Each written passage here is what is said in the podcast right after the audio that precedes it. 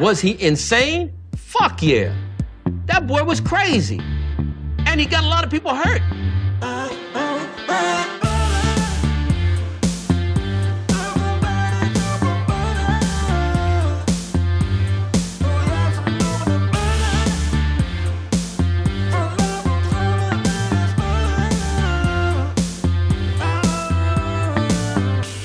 He doesn't like butter. I fucking love butter.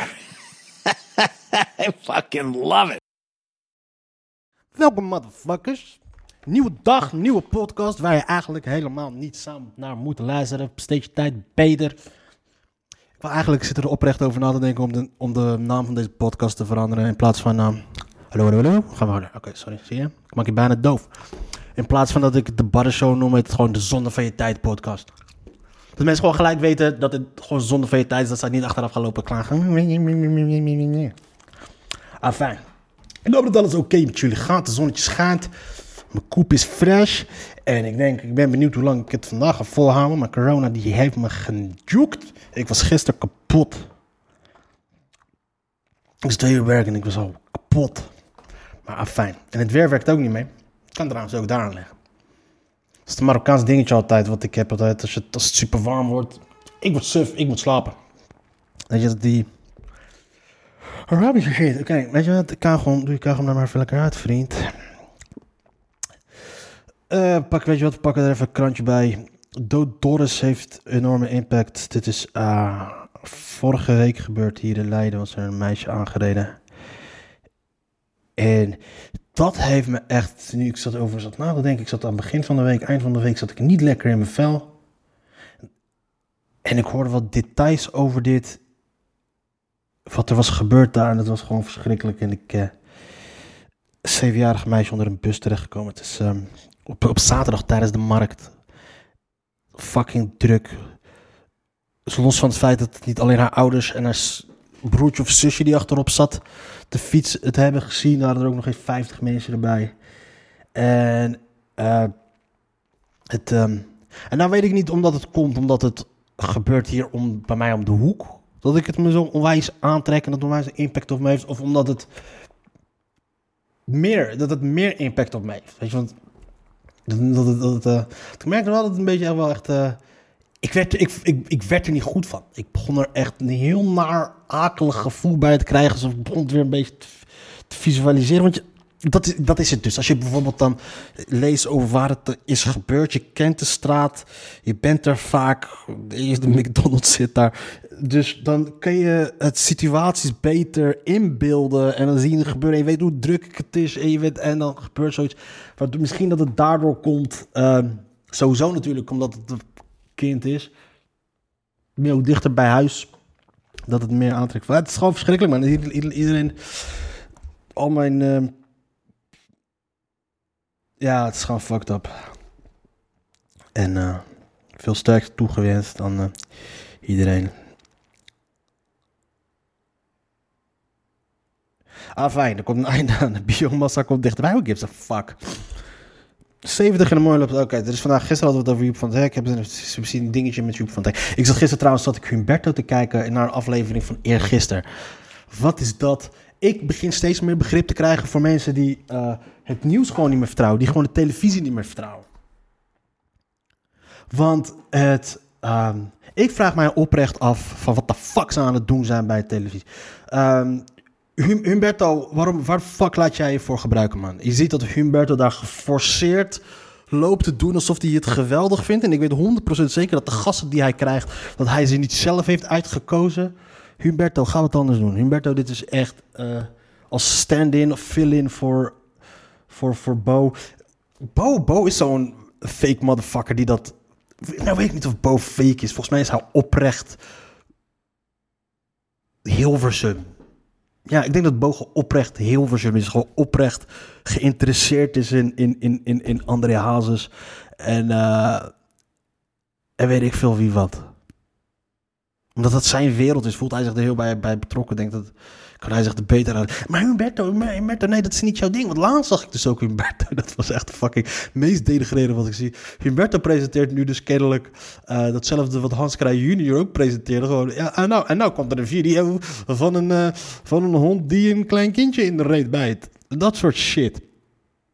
Ik dacht van, wauw, Humberto, je hebt je laten degraderen. Ah, fijn. Humberto, Humberto had dus... eh, het ging, dit was dus fucking raar. Humberto had dus iemand... ehm, er was een... eh, het ging over die gozer van die, die Sieverend, Sieverend bla bla van de... Met die mondkapjes. En hij had... had- ik weet nog niet eens wie die aan tafel had. Oh ja, een Amerika-deskundige aan tafel had een viroloog. En een microbioloog die ook nog eens een columniste is. En fucking irritant praat. Het was een hele irritante... zelfs gewoon het, ah, fijn, dat te zijn. En, ehm, het ging dus over de hele nasleep van, van die gozer, van die mondkapjes en dat soort dingen. En Humberto zei toen tegen die eh, chick, die columniste, hij zei... hey, jij was degene die hem... eh, die tot drie maal toe verdedigde achter elkaar met bepaalde columns. Ze zei, ja, dat klopt. eh, ik zat er helemaal naast. eh bla, bla, dit en dat. En toen was gewoon een mea culpa. En dan gaf zij toe dat ze fout zat. En dan bood ze haar excuses aan. En dan is dat, volgens mij bij Nederlanders... is, is dat kennelijk een, een, een, het magische woord... dat alles vergeven en vergeten wordt. Ik snap dat niet. Dit is een trucje wat, wat mij heel lang geleden is aangeleerd. Jongens, jij gewoon je excuses aanbiedt... dan is het gewoon allemaal goed. Dan hoef je niet te menen. Ah, fijn. Nee, maar als ik mijn excuses aanbied, meen ik het.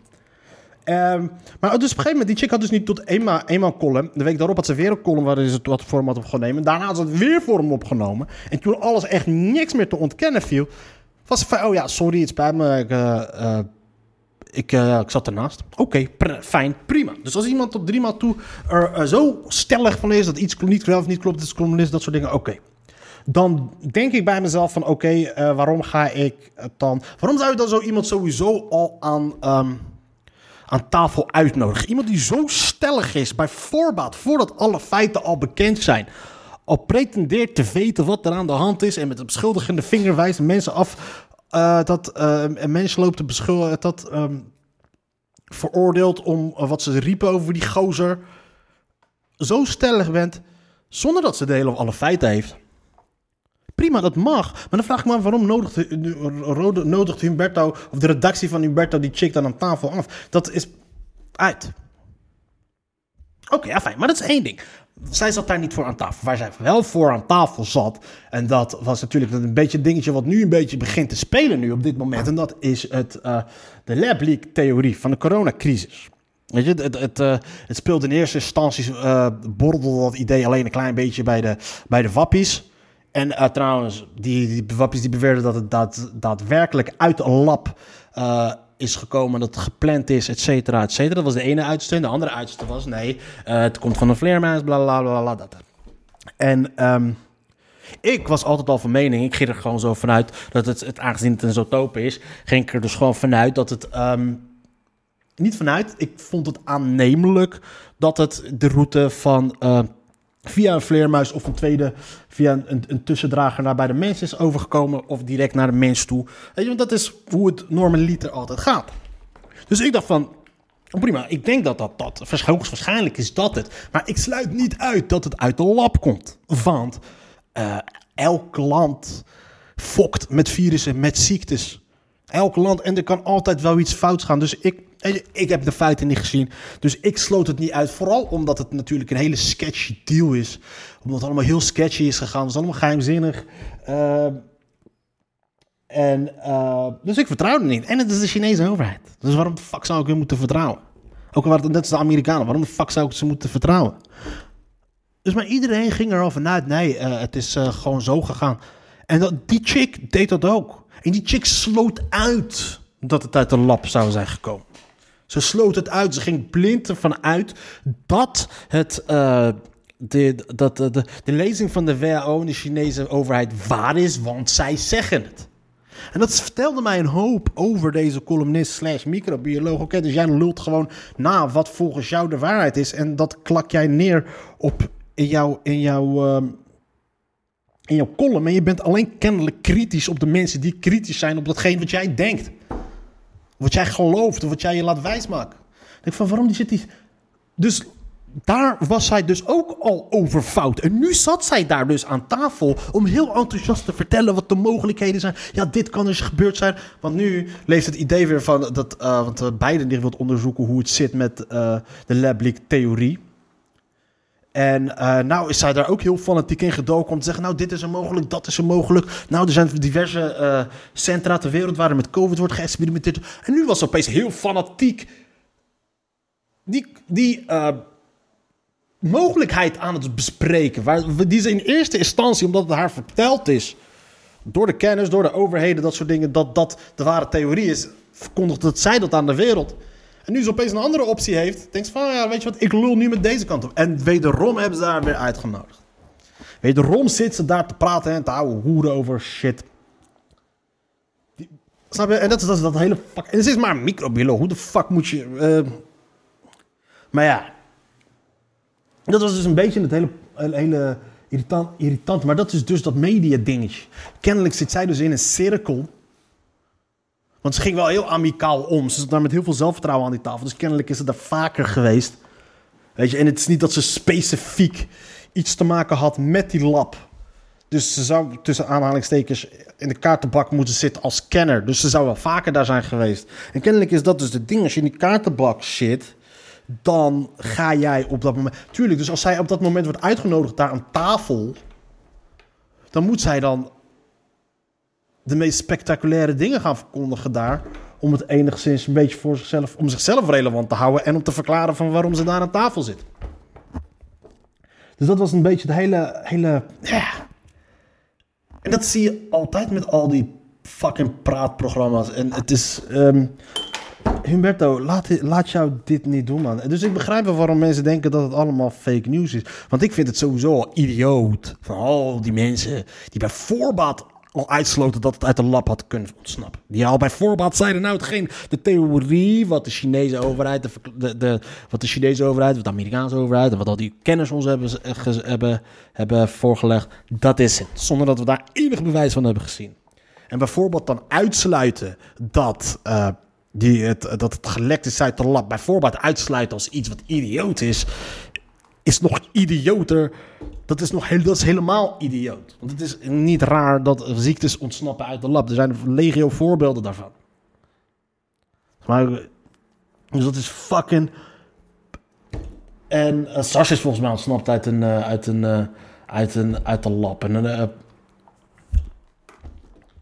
en dan zie je dus op een gegeven moment ook... Dus die Amerika-correspondent die, er, die ging uitleggen... van wat de beweegredenen konden zijn van Joe Biden... om die lableak-theorie te gaan onderzoeken... was dus op een gegeven moment had... Donald Trump die riep het al jaren geleden... Die, die riep het al een jaar geleden al... dat het uit die lab kwam. En uh, toen zei, dit is wat hij letterlijk zei, de gozer zei, ja, toen de serieuze journalisten dat hoorden, gingen ze er gelijk af en uit dat het niet waar is. Dus namen zij de tegenovergestelde houding, standpunt in. Dus wat wel bijvoorbeeld betekent dat het geen serieuze journalisten zijn. En luister eens, je mag vinden van Donald Trump wat je bent, wat die is. Tuurlijk, het is een fucking psycho, maar hij was op dat moment wel de president van Amerika. Met andere woorden, hij weet dingen die de rest van de wereld niet weet. Hij weet dingen die de journalisten niet weten. Dus dan bijvoorbeeld dan daar te zeggen van, joh, uh, snap je, dat is dus dan het hele ding. En we hadden het hier ook. Alsof we hier discussie voornamelijk ging over de maatregelen. Maar hey, maar ik ben blij dat er aandacht aan wordt besteed. Kennelijk, er is iets sketchies. Ik heb het al tijd geleden gezegd, er is iets sketchies. Iets klopt er niet. Iets klopt er niet. Iets is er fout gegaan. Er is iets, iets, iets klopt er niet. Weet je, want zoals ik al zei, die, is het over van een vleermuis. Iemand heeft een vleermuis opgegeten, what the fuck. Is dat nou de allereerste keer dat de vleermuis ooit op, op, op is gegeten? Of is het de eerste keer want waarom komen altijd... Waarom komen die... Het is niet de eerste ziekte die, die, uit, die, uit, die, uit Wuhan komt. En al die mensen die al die tijd zich pretendeerden te doen alsof ze allemaal virologen zijn en allemaal gigantische kennis zijn, omdat ze heel goed zijn in het opzoeken van wat volgens hun ding is. Die moeten nu een klein beetje op terugkomen dat die possibility er gewoon is. Wat fucking logisch is dat het de mogelijkheid is. Dus bijvoorbeeld uitsluiten. Alleen al omdat iemand die is fucking idioot. De enige reden waarom die mensen dus dat hebben uitgesloten... is omdat het uit een hoek komt... die, die, die, die, die, eh, die standpunten en meningen heeft... die haak staat op die van hun. Dus dan mag je jezelf wel een gigantische denker... je bent een vrije geest, je bent iemand die dingen onderzoekt... je, je kijkt naar feiten, je kijkt naar dit... maar kijk eens naar het feit... naar dit feit... Kijk eens naar het feit van waarom heel veel mensen gewoon bepaalde standpunten innemen, bepaalde kanten kiezen. Puur en alleen omdat de tegenstander een andere standpunt erop na heeft. Dat is, dat, dat is, eh, dat is het probleem met de een kant kiezen. Dat is sowieso het probleem met je achter een groep scharen, achter een bepaalde. En daarmee wil ik niet zeggen. achter een bepaalde ideologie scharen. Of achter een bepaalde. jezelf in een hoek dwingen. in een hoek waarvan jij denkt dat die aan bepaalde eisen moet voldoen, en et cetera. En als je dan. In mijn hoofd klinkt het beter. Maar afijn, maar dat is dus het probleem. Als jij dus dan het is niet erg, ja, het is niet erg om jezelf in een bepaalde hoek te doen. Ik bedoel, uh, je gooi jezelf in de Ajax gebeuren, voetbalclub en dan zijn ook wel voetbalclub, voetbalsupporters zijn vaak, tenminste vaak super kritisch. Maar je kan jezelf in een bepaalde hoek gaan dingen, maar ga het dan niet zien als dat andere mensen die een andere mening hebben er tegen jou, dat tegenpartij zijn. En dat is dus het dingetje wat je nu hebt gekregen met die hele COVID shit, is dat bepaalde mensen de andere, de andere kant als een tegenstander zien. En dus gewoon niks van hun aannemen. Snap je? Dat zag je bijvoorbeeld met toen Willem Engel bijvoorbeeld de overheid aanklaagde. omdat ze volgens hem toen de regels niet uh, klopten. Uh, luister eens. Uh, los van het. werden heel veel mensen werden boos op hem. Van, omdat hij zijn recht heeft gebruikt om A. de overheid voor het gerecht om beslissingen van de overheid te toetsen aan de wet. En B, eventjes gelijk kreeg, waardoor dus in principe de overheid, in eerste instantie als de overheid dus naast, volgens de eerste rechter, zat de overheid er dus naast. En heel veel mensen namen Willem Engel dat kwalijk. Dat hij dat, die rechtszaak had aanspannen. Maar hoezo? Als de overheid zich niet aan de regels houdt, zouden wij ze niet aansprakelijk moeten stellen? Zouden zij niet de eerste moeten zijn die zich aan de regels moeten houden? Nee, maar een hoop mensen waren boos op Willem Engel. Omdat het Willem Engel was die op een gegeven moment die avondklok... Uh, door hem was die avondklok opgegeven. Mensen werden boos op Willem Engel. Ze vergaat totaal... Um, focus je op die mensen. Check die mensen. Check die tegenstrijdigheden in, uh, in hoe ze... Check die tegenstrijdigheden in, in hun meningen. Wanneer vind je wat en wanneer vind je het niet. En watch out for those bitches. Dus watch out, nee. Die, die, dat, dat zijn de mensen waar jij uit de buurt van moet blijven in ieder geval. Ah, fijn.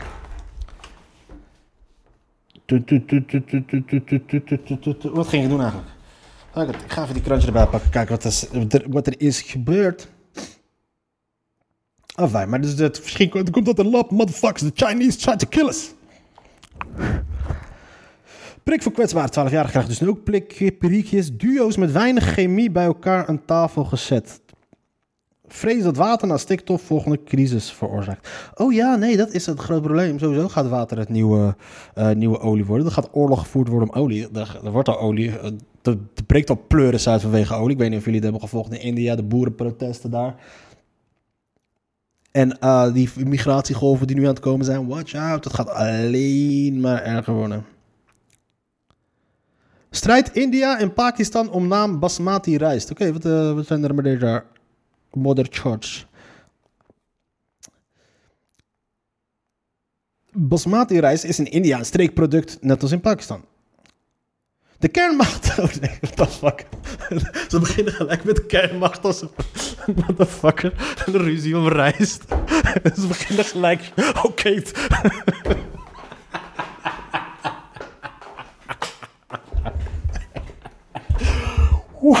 Oké, okay, ze, ze, proberen, kijk, wat jullie dus gewoon, yo, dit, ze proberen gelijk die extra lading te geven aan een bericht. de kernmachten, de kernmachten India en Pakistan hebben een heleboel twistpunten. En daar komt er nu één over rijst bij. India heeft bij de Europese Unie basmati-rijst als exclusief Indiaas product geclaimd. Het land wil dat de Europese Commissie de Indiaanse rijst die uit streken aan de voet van de Himalaya komt officieel een geografisch beschermde aanduiding geeft. Indien deze streekgarantie wordt toegekend, mag er in de EU geen basmati-rijst meer worden verkocht dat niet uit India komt. De andere natie die deze smakelijke rijst ook aan de voet van de Himalaya produceert is Pakistan. Het land heeft bij de EU geprotesteerd. Rijst is een belangrijk exportproduct van Pakistan dat de vierde rijstproducent op de, op de wereld is. India is de grootste producent. We're number one. Het verband tussen, uh, het verband tussen basmati-rijst en kernoorlog is niet ver gezocht voor de Pakistanse basmati-rijstproducent Ghulam Murtaza van de firma Al Barkat Mills. Volgens Murtaza zou geen beschermde aanduiding voor uitsluitend India een doodsklap voor zijn sector in Pakistan kunnen betekenen. Het is alsof je een atoombom op ons hoofd gooit, klaagde Murtaza over de Indiaanse basmati-rijstdiplomatie. Dat is kind of drastic. In rijstvelden vlak. De EU, dat een actief beleid voert rond exclusief regionale producten, probeert de gemoederen te bedaren. heeft India Pakistan gevraagd in gesprek te gaan over een gezamenlijke geografische aanduiding voor besmaat. Dus die hebben zo de hender. Hamusha, oké, de, EU heeft, de EU heeft andere shit aan zijn hoofd op dit moment. Godverdomme zit je daar, oké, vluchtelingencrisis, coronacrisis, oké, hoe zit het met de vaccins, motherfucking pleuris breekt uit in Oekraïne. Uh, die Russen voor, pakken allemaal mensen op, oké, what the fuck gaan we doen? excuse, me, excuse me, name... Ja, uh, is wel netjes van de EU. Uh, Oké jongens, uh, zoek, zoek, zoek, het even zelf uit. ga, oké? Okay? Waarom gaan ze niet gewoon een, een potje cricket omspelen? En de winnaar die mag...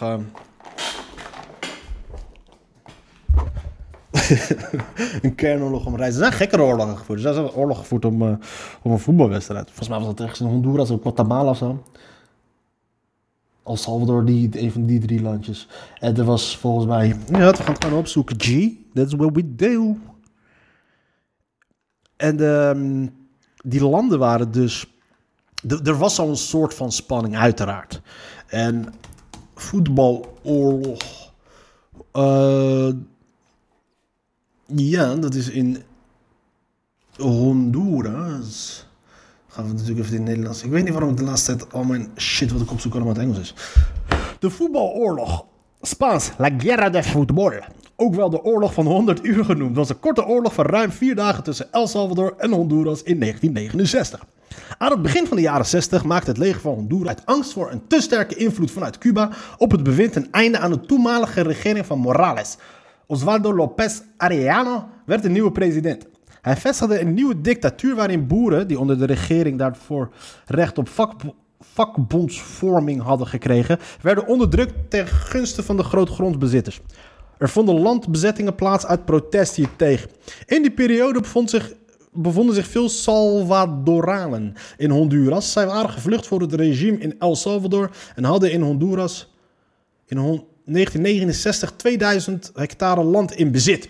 Het Hondurese regime zal de Salvadoranen als aanstichters van de landbezettingen en stelde de Salvador, Salv,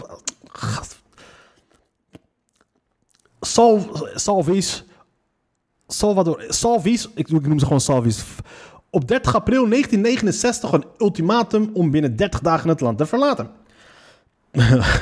Intussen stond het wereldkampioenschap weer, Intussen Ondertussen, intussen stond het wereldkampioenschap voetbal van 1970 voor de deur. In juni 1990 te veel. De fuck, ze hebben zoveel dezelfde letters in, één, in dezelfde lettergreep gestopt. Waardoor gewoon mijn tong in een knoop raakt. In juni 1969 werden er daartoe selectiewedstrijden gehouden tussen Honduras en El Salvador. De eerste wedstrijd, op 8 juni, werd gewonnen door de bedrijven van in Honduras wonende Salvador. Nee, Oké, kortom, de pleuris brak uit. Na die wedstrijd brak de pleuris uit.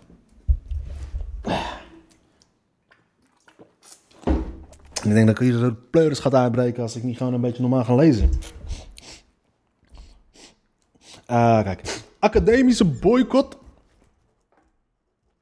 tegen Israëlische regime. Kijk, dat is een. Ja, dat, die titel bevalt mij wel. Normaal is dat soort dingen, ik heb het nog niet gelezen, maar meestal worden dit soort dingen tegen Israël, boycott tegen Israël, weet je, om het meer, om het meer het idee te geven dat het uh, meer iets antis antisemitischer te maken. Tegen academische boycott tegen Israëlische regime. Oh, kijk. We willen geen individuen boycotten. Oké, dat is dat. Oké, dat is dus. Uh, ze hebben heel. Die mensen hebben dus specifiek gezet. Because they know how the system works. Het regime van de Israëlische staat tegen de Palestijnse burgers is een van apartheid, volgens universitair docent Christian Henderson. Om Israël onder druk te zetten tot verandering pleit hij samen met 600 Nederlandse ondertekenaars voor een institutionele boycott. Het gaat never nooit helpen met deze kankerracisten. Sorry voor mijn taalgebruik in de Kamer. Fuck all those motherfuckers. Mijn clubje Feyenoord supporters, dikke shout-out naar al die motherfuckers die iedereen lopen te, te bedreigen. Niet dat dat cool is, maar um, wanneer gaat Abu Talib over hun zeggen dat ze, als het ze hier niet bevalt, dat ze op moeten rotten naar hun eigen land? Oh nee. Ik ben benieuwd hoeveel hier, hij hierop tegen gaat optreden. Motherfucker. Een biomassa-centrale. Er komt een nieuwe biomassa-centrale voor de mensen die daar interesse hebben. Speuren naar schatten van Doggerland. Ik weet niet waar Doggerland is. Het zou waarschijnlijk wel ergens in Denemarken zijn. Maar uh, het weer is lekker. En uh, het WK gaat beginnen. Morgen. Het begint morgen met een mooie wedstrijd. Die Frans gaan hem winnen, denk ik. Hoeveel... Denk ik. Ja, die Frans gaan hem wel winnen. Portugal. Ik, uh, morgen Turkije, Italië, man. Ik, ik hoop dat die, dat die Turken wat gaan flikken morgen. Het zou wel mooi zijn. Turken hebben. Uh, Turken kunnen gaan verrassen. Ik denk dat Turkije de verrassingen gaan, gaat worden van het EK. Ze hebben een goed jong elftal. Paar goede talentjes. En natuurlijk Burak Yilmaz. Dus ik ben benieuwd wat dat geworden. Dus ik ben blij aan de ene kant. Ik, het, moet, het voetbal leeft nog niet echt. Maar het is in principe wel zoiets van... We gaan wel proberen te kijken. Nederlands af. De Nederlands kapot. Uh, Frank de Boer, Frank de Boer is helemaal op. Ik heb nog nooit zo'n fucking... Het is gewoon een fucking... Als autist die bondscoach is geworden. Hij kan helemaal niet communiceren. Hij weet nog net, hij leeft helemaal in zijn, in zijn hoofd. Hij heeft zoveel blunders lopen maken, die kerel. En ik hoop echt dat Nederland gewoon keihard op zijn bek gaat. Gewoon fucking hard op zijn bek gaat. Vanwege al die stoere praatjes die Nederland kreeg al een beetje de laatste tijd. Weet je, op een gegeven moment... Het begon een beetje toen met Mohamed Ihataren. Toen hij moest kiezen voor Marokko of Nederland. Kijk, beide keuzes zijn voor mij, ken ik, bondsgoed begrijpen. En ik... En dan, was dat, zag je dan discussie. Ja, maar bij, Nederland, bij Marokko kan die niks winnen. Met Nederland, als je echt wil spelen voor de prijs, moet je voor Nederland zijn. Nee, waar zijn jullie prijzen dan, motherfuckers? Jullie moeten nu maar zien door de prijs. Nederland moet nog maar eens door de pool heen zien te komen. En ik weet niet of dat gaat gebeuren. Ik hoop het wel. Laatst begrijp me niet verkeerd. Ik ben een oranje fan. Maar ik heb een hekel aan Frank de Boer. En uh, ik probeer mezelf nu in de positie te, te manoeuvreren. Dat het voor mij gewoon sowieso win-win is. Ligt Nederland er snel aan, dan ben ik, uh, kan ik lekker irritant doen. Gaat, uh, gaat Nederland winnen, dan kan ik lekker blij doen. Dat is hoe ik rol. Ik weet nou niet of dat een slechte eigenschap is of dat nou een goede eigenschap is. Vooral in het kader van wat ik net zei over die gasten die standpunt innamen. een standpunt afwijzen omdat die ingenomen wordt door iemand die normaaliter lijnrecht tegenover hem staat? Nee, dat is niet hetzelfde. Dat is niet hetzelfde. Ik kan gewoon van twee bepaalde situaties kan ik gewoon het positieve eruit halen. Dat is het. Ik ben helemaal geen hypocriet. Het is gewoon fucking legit manier, legit manier van filosoferen, manier van denken. Het is gewoon een legit manier van hoe je in het leven hoort staan. Wat er ook gebeurt, dat je er bepaalde dingen aan kan halen. Ik kan het positieve, dat ik mijn garen erbij kan spinnen. Gewoon fucking legit. Ah, fijn. Ik, uh, Turkije, Italië, morgen 9 uur. Uh, Nederland speelt zondag tegen Oekraïne. Ik denk dat Nederland gaat verliezen. Een vieze 0 eentje. Maar uh, ik laat me graag verrassen. Dus pieps, peace out. Later.